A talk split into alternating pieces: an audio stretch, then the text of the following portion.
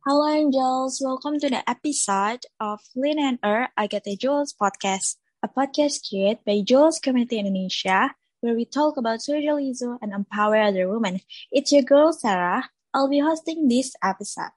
Anyway, kali ini aku ditemenin Kak Seva loh, and we gonna talk about meraih medali di kejuaraan taekwondo dan sabuk hitam di usia 17 tahun.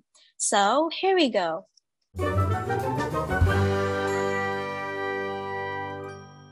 Halo Kak Seva, waduh fun fact nih ya, Kak Seva nih hit of public speaking loh guys. Halo, halo.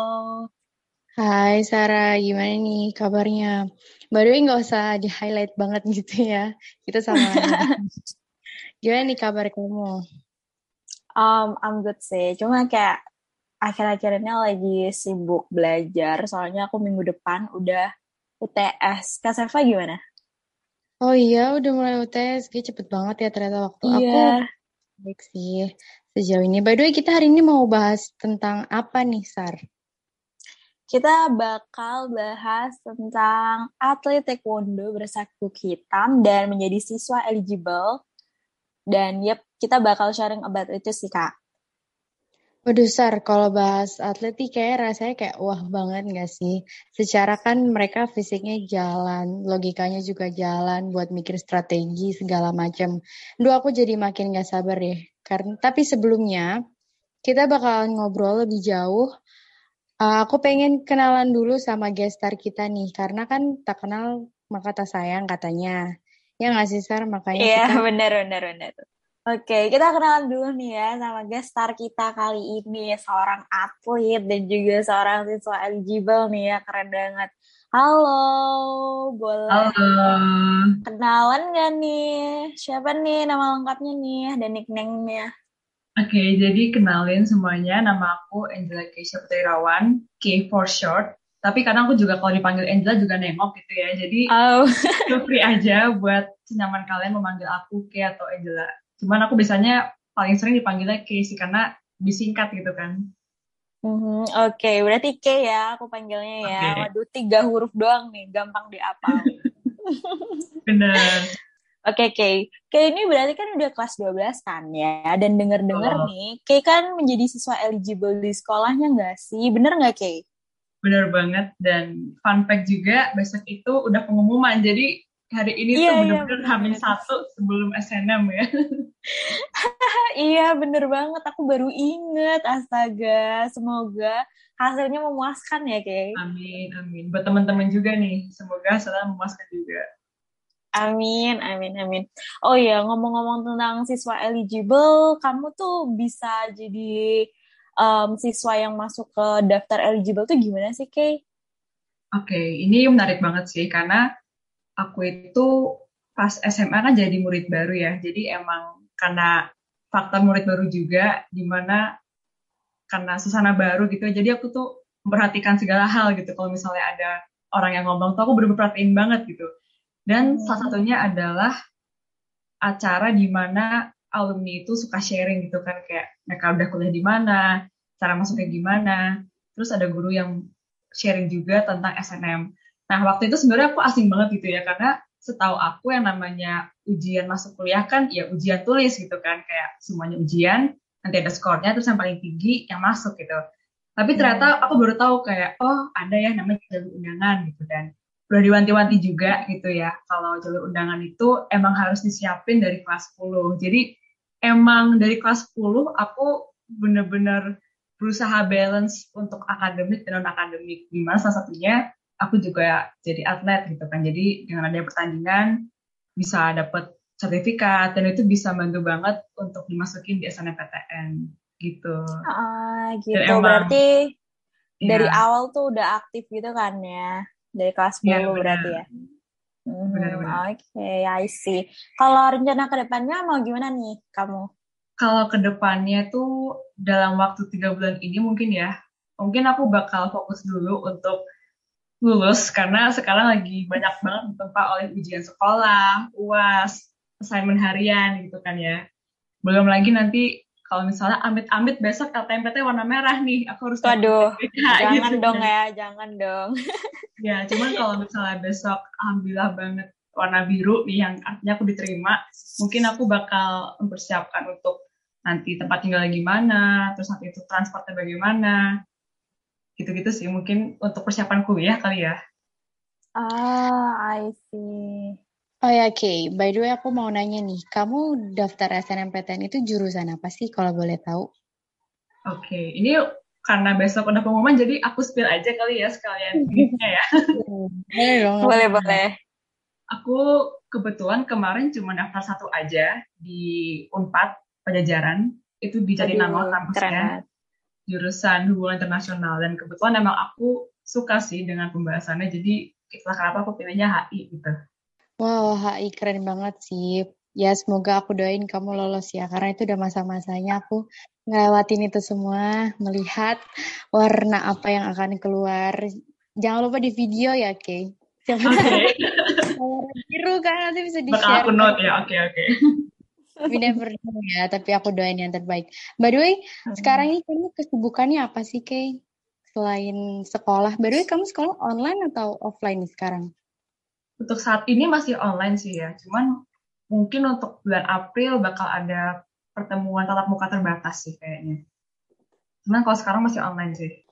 Selain kamu kelas online kayak dari pagi atau mungkin kamu olahraga atau apa kesibukan kamu sekarang lagi ngapain aja nih? Oke, jadi kebetulan juga aku sekarang uh, jadi salah satu panitia yearbook ya di bidang kreatif. Jadi aku bersama tim aku itu ngurusin dari rundownnya, pembagian temanya seperti apa, kita juga mengurus seluk-beluk photoshootnya bagaimana. Jadi mungkin sekarang aku fokusnya itu antara mengurus yearbook dan ujian sekolah aja sih, gitu. By the way, kamu tuh kan sering banget ngikutin kejuaraan gitu kan ya. Nah, setiap hari tuh kamu nah. kayak ada olahraganya yang khusus banget gitu gak sih? Karena kan ya aku yakin sih atlet itu pasti dia memiliki kunci dari kesuksesannya dia gitu. Punya nggak kira-kira? Oke, okay, kalau misalnya sebelum kelas 12, aku itu satu minggu latihan bisa 5 sampai 6 kali dalam seminggu dan wow. sesi itu bisa sekitar 3 jam gitu. Dan itu per hari aku ada jadwalnya sih kayak misalnya Senin itu kardio nih, terus nanti besok latihannya apa gitu-gitu. Cuman kalau untuk sekarang karena udah kelas 12 semester 2 juga, jadi lagi hiatus nih kebetulan. Jadi kalau sekarang aku lagi nggak latihan sama sekali sih. Emang lagi fokus banget buat persiapan kuliah aja gitu. Oh, oke okay, oke. Okay. Oh ya, selain jadi siswa eligible nih, kamu kan ditambah ikut organisasi gitu kan ya, Kay? Iya. Nah, bener. boleh dong sharing beberapa prestasi yang pernah kamu dapatkan, entah itu dari akademik maupun non-akademik? Oke, mungkin aku bakal spill yang paling berkesan aja buat aku ya. Jadi selama kelas 12 ini, selain aku juga berusaha untuk bagus di akademiknya, atau yang tadi aku bilang ya, tapi aku juga berusaha untuk ikut organisasi, ikut panitia, ikut acara-acara. Dan salah satunya itu yang menurut aku paling menantang itu adalah kalau di agamaku di Katolik itu ada namanya misdinar. Jadi misdinar itu kayak pelayan gereja gitulah ya. Dan di situ kebetulan aku jadi ketua misdinarnya selama dua tahun. Dan itu bener-bener perjalanan yang seru banget karena waktu itu kan udah pandemi ya. Jadi kalau misalnya butuh sesuatu itu harus meeting online kayak gini atau kayak butuh proposal, butuh anggaran dana itu harus ngabarin ke orang luar, harus bertemu dengan orang baru, di mana mereka tuh pasti lebih tua dan aku tuh gak kenal semua gitu ya. Jadi sebagai ketua, aku juga waktu itu harus menghubungi menghubungi pihak-pihak eksternal yang pastinya tuh bikin aku deg-degan banget gitu. Cuman selama dua tahun ini aku merasa itu semua bermanfaat banget buat aku karena dengan aku ikut kegiatan seperti itu membentuk mental aku yang saat ini sih. Jadi memang itu emang seru banget untuk ketemu orang-orang baru, suasana baru dan akhirnya bisa beradaptasi dengan baik gitu. Nah, sekarang kan kamu udah kelas 12 nih yang di mana pasti udah kelas akhir dari SMA ya. Nah, alasan kamu memilih untuk produktif itu kenapa sih? Padahal kan kayak pasti kelas oh, akhir itu berat banget gitu kan, baik ujian, persiapan. Hmm. Kenapa kamu tetap memilih stay untuk produktif sama kegiatan-kegiatan kamu?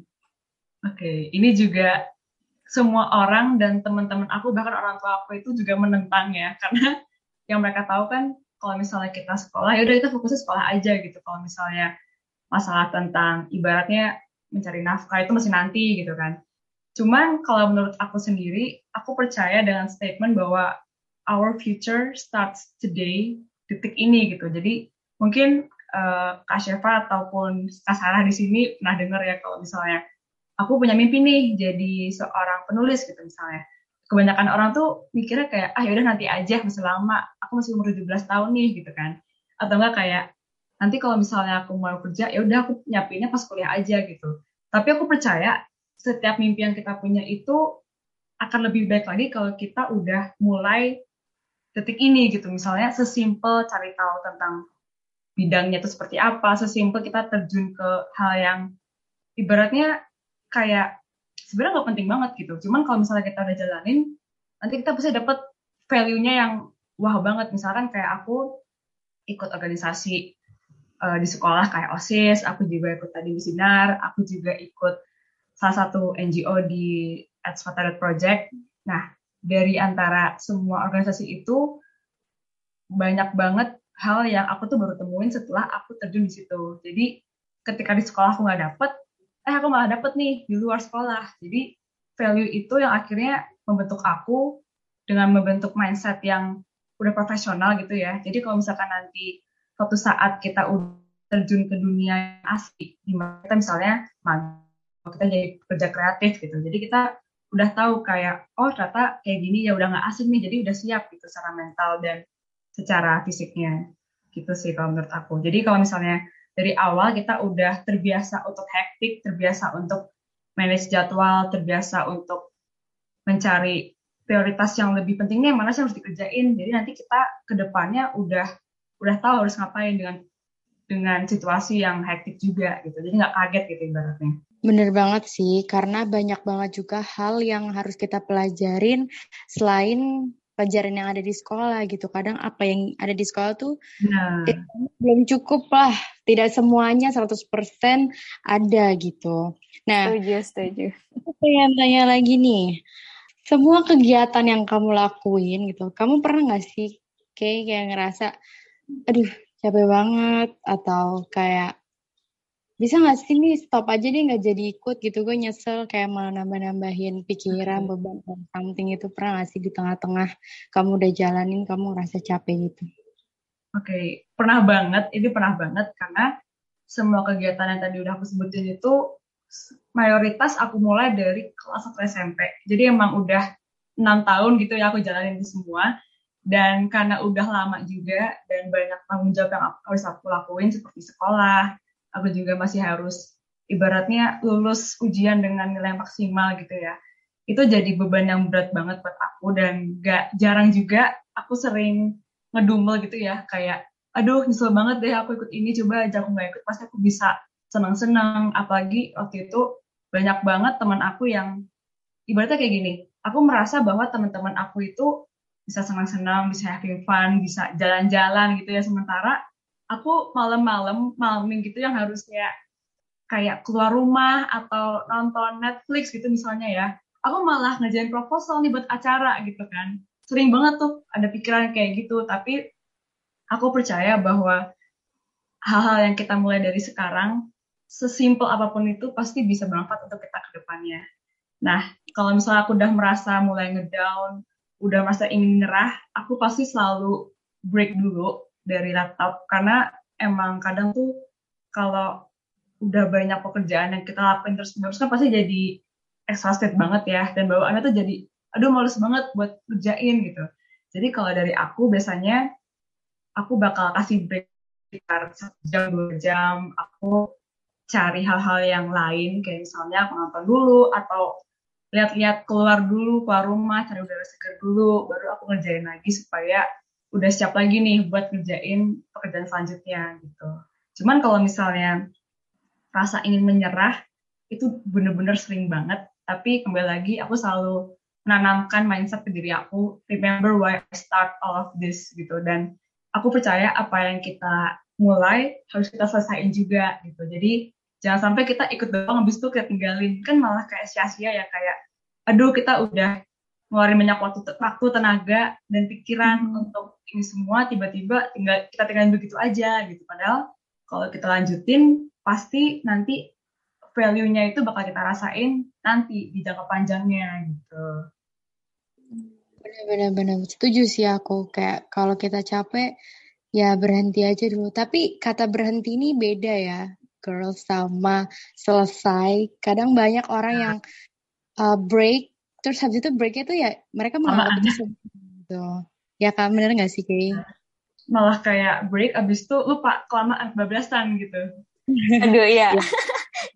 Gitu sih. Tapi ya semoga jangan kayak gitu lah ya karena setiap apa pun yang udah kita mulai ya kita harus selesaikan sampai akhir gitu.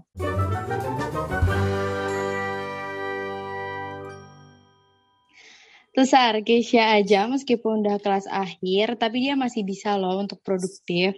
Yuk kita bisa yuk, kita nyusul. Gimana nih kamu nih? Waduh, berat ya. But I believe that nothing impossible, so I'll try it. Kalau bisa, kita pasti juga bisa Kak Sep berprestasi kayak Keisha. Ayo, girl super amazing. Kita pasti bisa. Yeay, sangat. Benar, Seva Sarah be the winner. Ini Semoga para angels di rumah juga bisa ngikutin jejaknya Kay ya. Dan kalau bisa lebih dari Kay, it will be the great things ever. Yap, sebenarnya banget Kak Asef. Apalagi tiap individu punya kemampuan dan kelebihan yang berbeda-beda. Asal kita punya niat dan mau ngembangkan, pasti bisa jadi versi terbaik dari diri kita. Bener nggak Kak Asef? Benar-benar. Dan jangan pernah untuk membandingkan diri kita sama orang lain ya. Karena kita sama orang lain itu nggak akan sama, tapi kita bisa lebih dari orang yang kita bandingkan itu sama diri kita. Jadi yang mending stop aja sih, nggak perlu bandingin. Ya nggak, Sar? Iya, bener banget sih. Bener banget, Kak Asef. Aku juga kepo pol nih. Kayak setahu aku nih ya, tes buat dapat sabuk hitam itu nggak gampang loh kayak apalagi nih ya kalau di taekwondo hmm. sendiri kita pasti udah dibiasain buat diet biar bisa dapat tinggi badan berat badan yang ideal gitu kak yes makanya nih aku juga pengen tahu banget lebih dalam tentang taekwondo nih soalnya kan jarang banget anak zaman sekarang yang aku lihat tuh kita tuh biasanya lebih suka ke modeling, skincare. Iya, yeah, oh my god, iya yeah, bener bener bener. Dan sekarang yeah. ada di podcast ini masih tertarik dengan kesenian bela diri itu keren banget sih. Ya gak sih? Mendingan kita langsung aja yuk daripada lama-lama mending kita serbu nih si Keisha-nya. Dari aku dulu ya, Sar. Nah, okay. aku punya banyak banget pertanyaan nih buat kamu. Dari yang udah Sarah bilang nih, taekwondo itu kan effortnya gede banget ya. Dari hmm. mungkin kamu bakal diet, terus juga waktunya kebuang bukan kebuang sih maksudnya jadi untuk taekwondo gitu fokusnya. Nah, gimana sih cara Kay biar bisa komitmen sampai sejauh ini? Oke, okay, jadi yang tadi udah aku bilang ya, aku selalu menanamkan di diri aku remember why I start dan oh ya ini buat teman-teman aja yang mungkin belum pernah gabung di taekwondo ya. Ternyata untuk kita bisa ikut pertandingan, kita punya alat-alatnya itu membutuhkan biaya yang tidak murah teman-teman. Jadi memang mungkin Sarah juga udah pernah ikut Iya, bener banget. Ya. Jadi kalau yeah, iya, untuk yeah, yeah. bahkan beli seragamnya sendiri aja, untuk beli sabuknya, belum beli peralatan untuk tangan, kaki, badan, helmnya, pertandingannya Gigi juga. itu bener-bener banyak banget biaya yang dikeluarin teman-teman dan itu nggak murah sama sekali. Jadi kalaupun kalaupun aku pengen keluar juga ada rasa yang kayak sayang banget gitu kalau aku cuman pakai untuk bentar doang dan gak kepake lagi tuh kayaknya nggak tega gitu kan karena uang orang tua aku juga kan waktu itu. Jadi emang faktor terbesar itu di situ kak. Cuman bukan berarti itu jadi beban untuk aku yang kayak aku jadi nggak enjoy gitu nggak.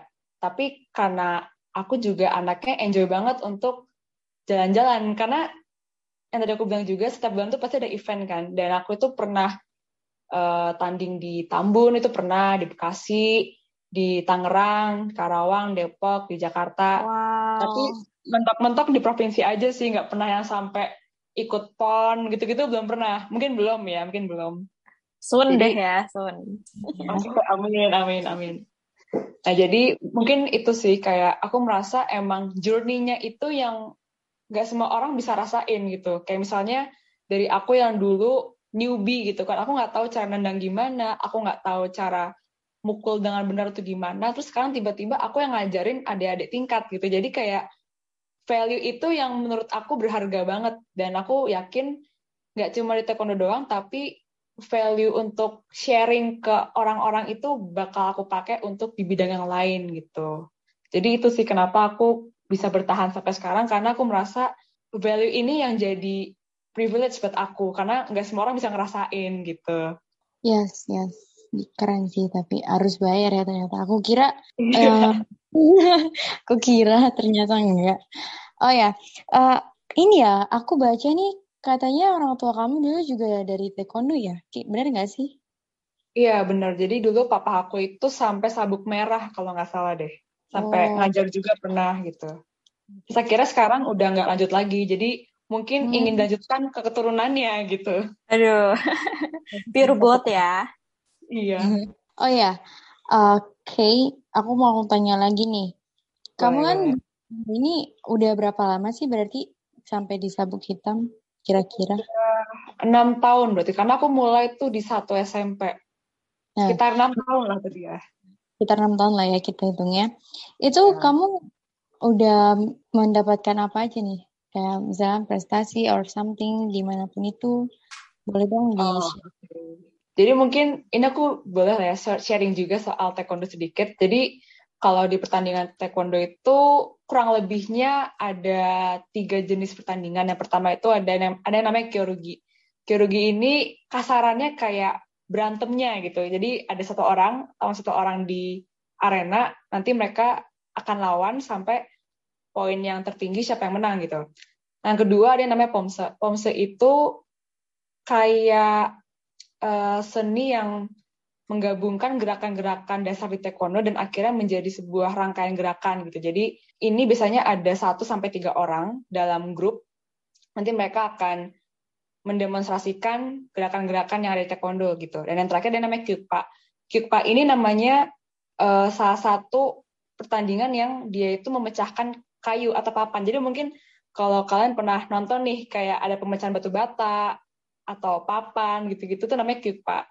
Dan aku ini khusus banget atlet di Kyorugi. Jadi aku dari kelas 1 SMP sampai sekarang ini fokusnya tuh di pertandingan yang ibaratnya bertengkarnya gitu. Dan sejauh ini karena kita kan udah pandemi sekitar 2 tahun ya. Jadi emang 2 tahun ini aku udah jarang banget tanding karena acaranya juga jarang. Terus juga ada pembatasan acara juga kan kalau ada mau ada acara-acara besar seperti itu.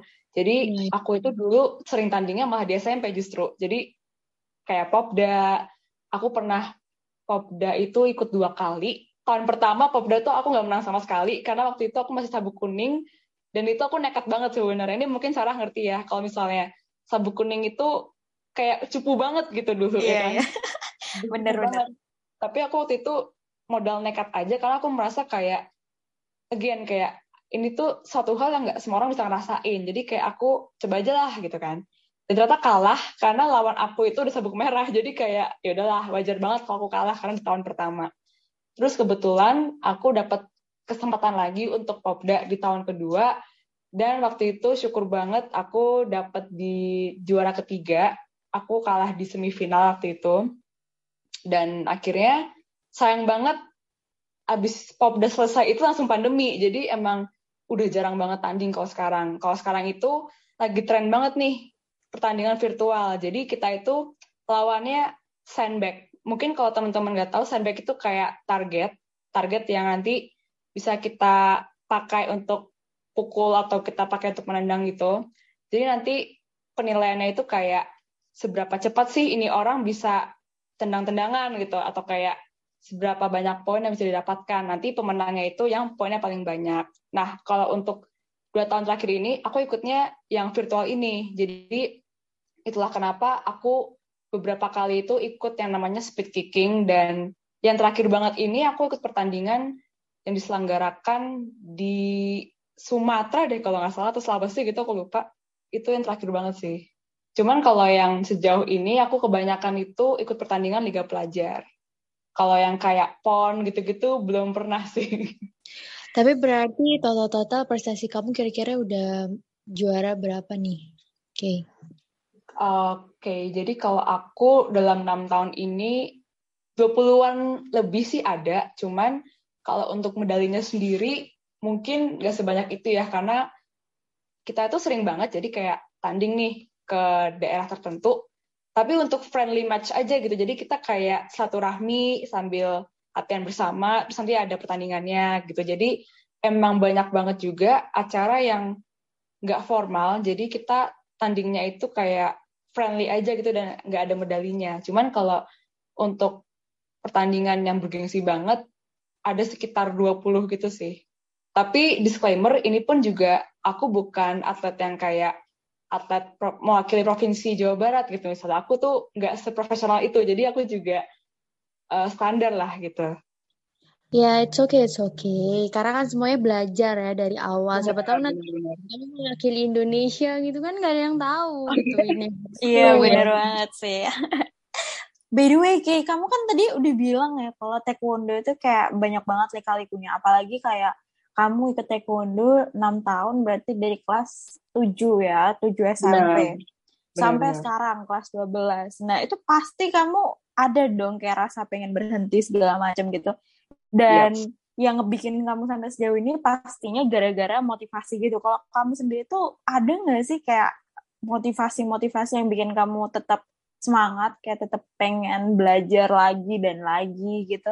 Oke, okay, jadi um, salah satu mimpi aku itu nantinya ini kalau Tuhan mengizinkan ya, aku itu pengen bikin salah satu klub juga gitu. Dan aku yakin wow.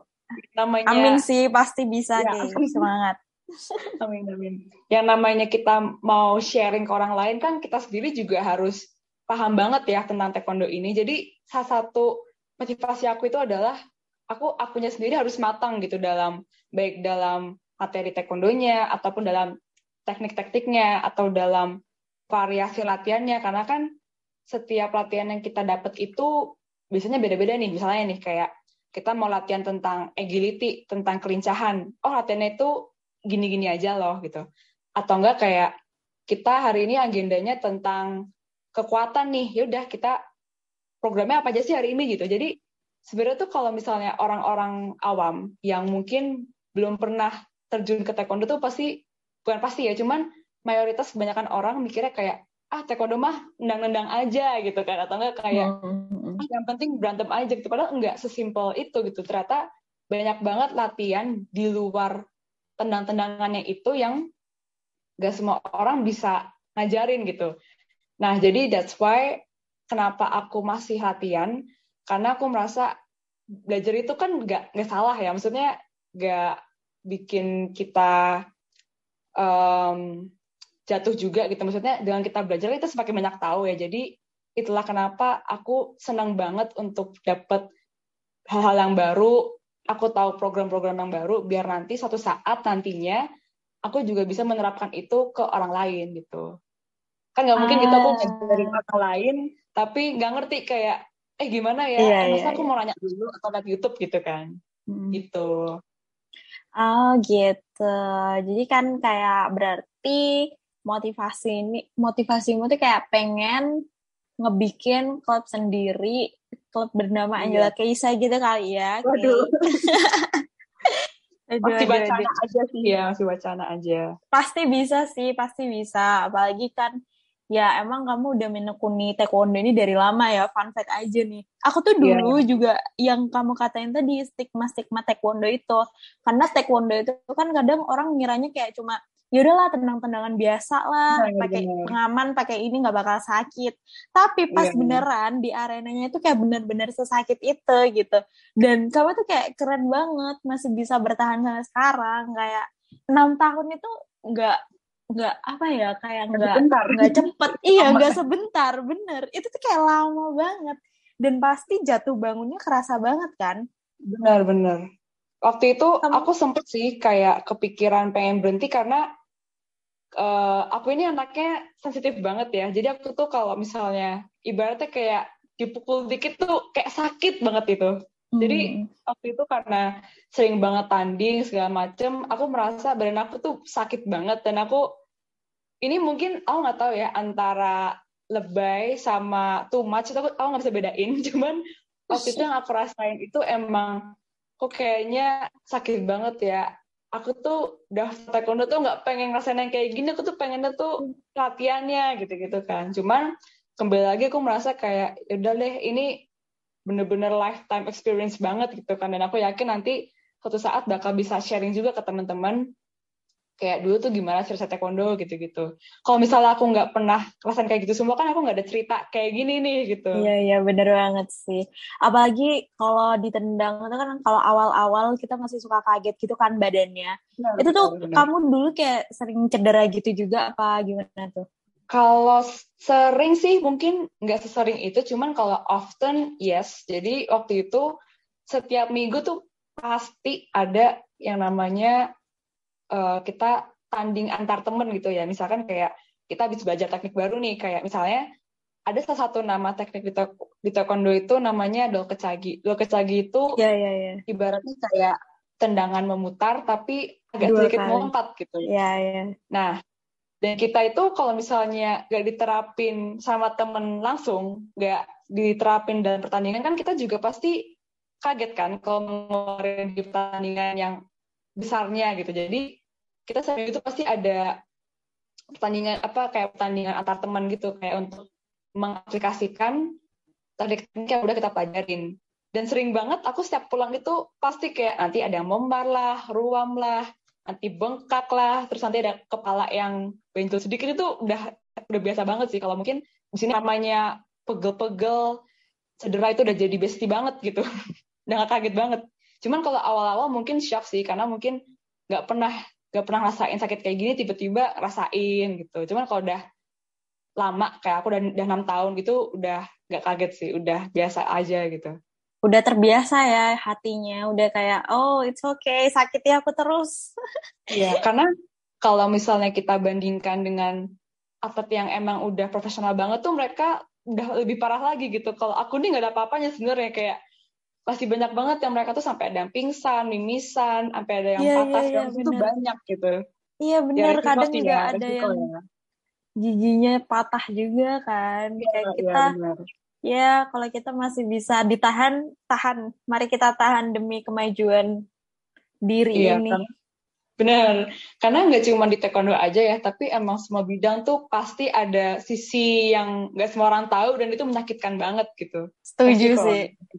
Ya resiko sih emang. Oke, ini Angel keren banget ya cerita dari Keisha gitu kan tentang taekwondonya. Nah, Sar, um, menurut aku Keisha ini inspiring banget sih karena ya dia tuh kayak ya yang kayak kamu bilang tadi, dia tuh bisa mematahkan stigma kalau perempuan tuh juga bisa loh ikut-ikutan yang dilakukan oleh laki-laki. Kan kebanyakan yang ikut taekwondo itu laki-laki kan dibandingkan Iya, perempuan iya, iya. Lah jumlahnya paling berapa sih? Eh, 50, 10, eh, maksud aku 10 dari 50 orang laki-laki itu. Nah, kita next lagi nih eh, ke pertanyaan tentang gimana sih cara Keisha buat memanage waktu sampai semuanya tuh bisa kamu lakuin dengan baik gitu, Kay. Oke, jadi eh, dari aku bahkan sebelum aku SMP ya, dua hal yang bernama kalender dan jam itu udah jadi sahabat aku banget ya, sahabat karib gitulah. Jadi aku tuh setiap hari nggak ada yang namanya nggak buka kalender, nggak ada yang namanya nggak buka jam karena kok bisa dibilang hidupku itu nggak bisa jalan kalau aku nggak lihat kalender sama lihat jam. Kenapa? Karena mungkin dari kecil juga aku kan ditinggal kerja ya sama orang tua aku. Jadi eh, dari dulu itu emang udah sering banget dikasih tanggung jawab di rumah dan aku harus sering mengabari orang tua aku kayak aku sekarang lagi ngapain? Atau lagi di mana, jam berapa? Dan segala macam. Jadi emang kayaknya dari kecil itu udah terbiasa untuk memanage waktu dari hal- hal-hal yang simpel kayak misalnya oh nanti pulang sekolah aku nyuci baju jam berapa ya? gitu. Atau kayak nanti aku kalau main sore sama tetangga gitu misalnya ya. Satu jam oh berarti ntar malam aku belajar untuk besok kira-kira jam 7 nih atau nanti tidurnya jam berapa ya kira-kira? Dari hal yang sesimpel itu udah aku terapkan dari aku kecil. Sehingga ketika aku SMP itu udah mulai organisasi ikut taekwondo aku juga terjun di masyarakat juga. Maksudnya aku juga ikut kegiatan di RT RW aku ikut kegiatan gereja gitu-gitu. Aku udah gak kaget karena aku udah merasa karena aku merasa aku sudah nggak asing dengan yang namanya cara memanage waktu yang baik gimana. Aku juga udah tahu bahwa oh sejam dalam satu hari itu ada 24 jam nih gitu kan. Dan semua orang kan maksudnya juga sama ya waktunya 24 jam. Jadi aku merasa kalau misalnya setiap orang itu contohlah kayak ada orang lain yang kita idolakan nih misalkan kayak aku ini aku sebut nama aja nggak apa ya siapa tahu ini kakaknya tak denger ini gitu ya namanya boleh boleh boleh siapa tahu denger ya Nah, dia ini kan kayaknya produktif banget gitu. Dan aku merasa kalau dia aja bisa, kita juga bisa dong. Meskipun nggak bisa kita bandingkan secara langsung ya. Cuman aku merasa kalau dia bisa manage waktu, pasti kita juga bisa. Dan aku dulu selalu ngerasa kayak, oke okay lah aku coba dulu nih. Misalnya, sekarang hari Minggu. Dalam satu, dalam enam hari ke depan, aku itu udah bikin jadwal dari hari Minggu itu. Jadi misalnya, Senin nih bakal ngapain aja. Nanti aku bagi waktu setiap setiap setiap sejam aku bakal ngapain aja. Nanti dari Selasa aku ngapain aja. Itu ya aku udah aku manage dari hari dari hari minggunya. Jadi kalau misalnya nanti aku menjalani weekdays itu aku tinggal lihat kalender nih kayak bangun pagi nih lihat kalender. Oh aku nanti sekolah sampai jam 12 misalnya gitu. Nanti jam 2 aku ada latihan jam 3 aku ngapain jam 4 ngapain dan seterusnya. Jadi kamu hal, -hal yang kayak gitu. ya? kenapa Berarti kamu nggak punya jam gabut ya? ada, ada, tetap ada, tetap ada kok. Justru aku malah bikin alokasinya itu jam gabutnya dulu, baru jam-jam yang produktifnya gitu. Karena aku merasa kalau misalnya kita udah bikin jadwal yang having fun lah ya, yang ibaratnya udah aku aku bisa pengen di dua jam perubahan main TikTok gitu misalnya. Jadi karena aku merasa udah ada waktu buat rebahan dua jam ini, sisanya itu baru aku buat, aku pakai untuk mengerjakan tugas-tugas aku atau latihan gitu misalnya. Jadi karena udah tahu kayak besok kan ada waktu luangnya nih, ada waktu senang-senangnya, jadi sisanya buat waktu yang seriusnya gitu. Cuman uh, kadang kalau misalnya emang ada jam yang kosong banget, ya udah aku pakai buat nonton TV atau kadang ya gabut aja gitu, yang kayak nggak ngapa-ngapain, bisa gitu. Oke okay, oke. Okay. By the way nih Sarah mungkin mau kasih last question nih buat Keisha sebelum kita tutup podcast ini. Oke okay, boleh boleh boleh. Uh, dari cerita Keisha tadi yang cerita dari awal banget ikut taekwondo sampai dia pengen bikin klub. Aku pengen nanya nih, perasaan Keisha dengan semua pencapaian kamu tuh gimana sih? Kayak puas, capek, atau pengen lebih, atau kayak kalau bisa diundur ke ma ke masa lalu kamu bakal be better atau kayak gimana gitu? Boleh dong cerita. Hmm. oke okay, uh, eh, mungkin tadi aku juga ada cerita ya. Kalau aku tuh gak jarang juga pengen saya tuh pengen berhenti. Kadang tuh nyesel kayak kenapa sih aku mulai ini semua gitu. Cuman ternyata setelah sekarang sekarang banget aku hiatus dari semuanya dan aku merasa aku tuh sekarang lebih in a slower pace ya. Maksudnya nggak terlalu yang ngambis banget yang kayak tiap hari ada ini, itu, ini, itu. Sekarang tuh lagi santai banget. Jadi aku tuh sekarang lagi banyak waktu luang untuk berkontemplasi gitu kayak, wah keren juga ya aku enam tahun ini udah ngapain aja loh gitu misalnya. Dan kadang aku juga pengen, I really want to thank myself six years ago karena aku yakin kalau enam tahun yang lalu aku nggak ikut taekwondo misalnya, aku nggak ikut organisasi, pasti kayak yang sekarang itu nggak bakal kayak gini pasti beda banget gitu.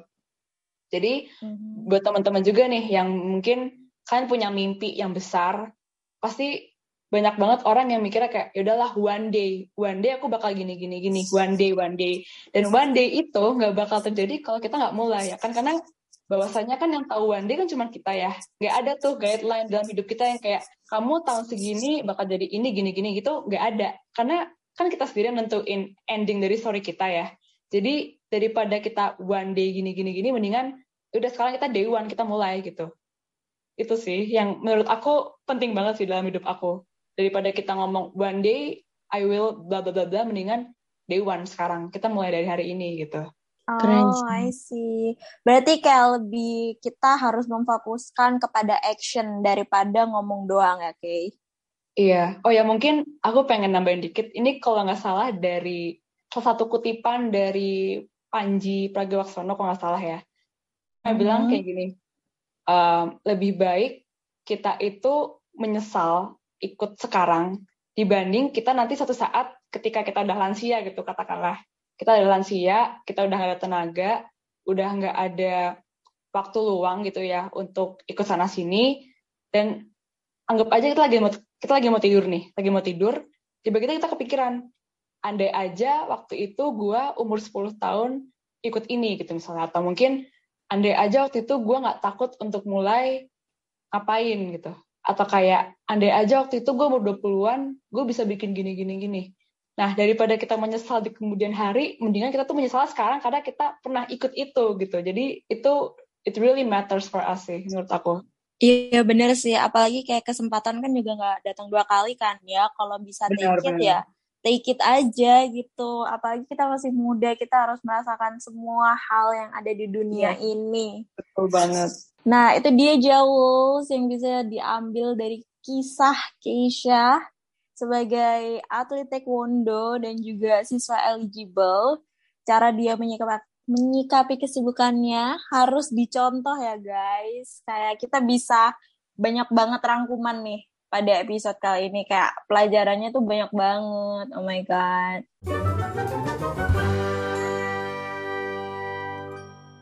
By the way, Gak kerasa nih ya, kita udah sharing bareng Keisha. Thank you so much okay, ya. Okay. Udah mau nge-podcast bareng-bareng sama kita dari Jawas Community. Kamu keren banget sih. Dan semoga besok kamu mendapatkan warna biru ya. Amin, ya, amin. Thank you, thank you, thank you. Dan semua yang mendengarkan ini semoga juga mendapatkan biru ya. Aku doain yang terbaik. Tapi kalau tidak mendapatkan jangan pernah kecewa ya, karena sejauh itu kamu melangkah pun itu kamu udah hebat sih, udah keren bisa ngambil langkah keputusan yang sangat besar dalam kehidupan kamu. Oke, Sar, gimana nih sekarang? Um, gimana ya, karena udah di ujung juga, jadi kayak kita mau nutup episode kali ini. Dari Kay juga kan kita juga bisa mulai menghilangkan stigma-stigma buruk tentang perempuan toh, kayak perempuan itu lemah, perempuan itu tidak bisa jaga diri, perempuan yang selalu dipandang sebelah mata, tapi dari Kay juga nih salah satunya Kay contohnya adalah Kay kalau kita mau kita tuh pasti bisa gitu kayak gak perlu kita um, bergantung hmm. pada suatu gender atau gak perlu kita kayak pandang suatu gender itu dengan sebelah mata. So that's why I really say thank you for our guest star Angela Keisha for sharing her experience di bidang bela diri Terima kasih banyak Keisha. Cari tentang taekwondo karena kebanyakan orang itu nggak nggak tertarik gitu dengan taekwondo, cuman banget udah diundang. Mm -hmm, Oke, okay. masih tertarik kok. Aku masih hmm. tertarik banget sama taekwondo. Oke. Okay, okay. Yeah. And thank you, Angels, for listening to our podcast. Don't forget to share and follow at jewelscommunity.id on every single platform. So, always stay safe and healthy, yeah? I'm Sarah. I'm Sefa. See you and see you goodbye. and goodbye.